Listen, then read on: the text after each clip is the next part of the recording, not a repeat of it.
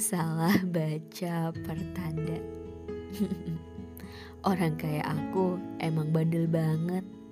Udah sering dikasih tahu buat berhenti. Eh, malah sok percaya sama insting sendiri. Padahal kalau masalah jatuh hati, banyak simpul-simpul yang dihubung-hubungkan sendiri. Doi baik sedikit, dikira naruh hati. Doi nyapa, dikira suka. Ayolah, kamu itu salah baca pertanda.